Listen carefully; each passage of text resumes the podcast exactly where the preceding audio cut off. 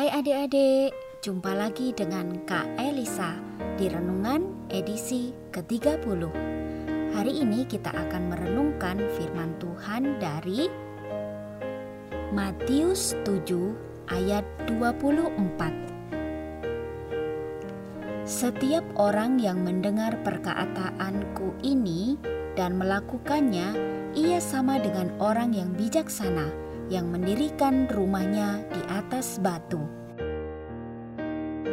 Adik-adik, orang bijaksana atau pintar yang ada di cerita ini membangun rumah di atas batu.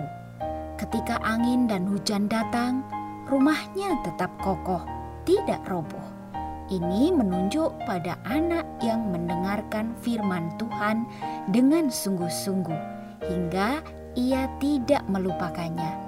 Ia mengingat-ingatnya, lalu melakukannya dalam kehidupan sehari-hari, maka imannya bertumbuh.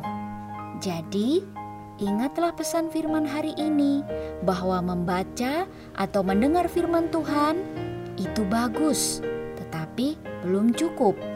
Kalian harus melakukannya dalam kehidupan sehari-hari. Itu tandanya anak yang pintar dan taat pada Tuhan. Nah, sekarang yuk kita berdoa. Tuhan, tolonglah aku untuk melakukan firman-Mu. Amin.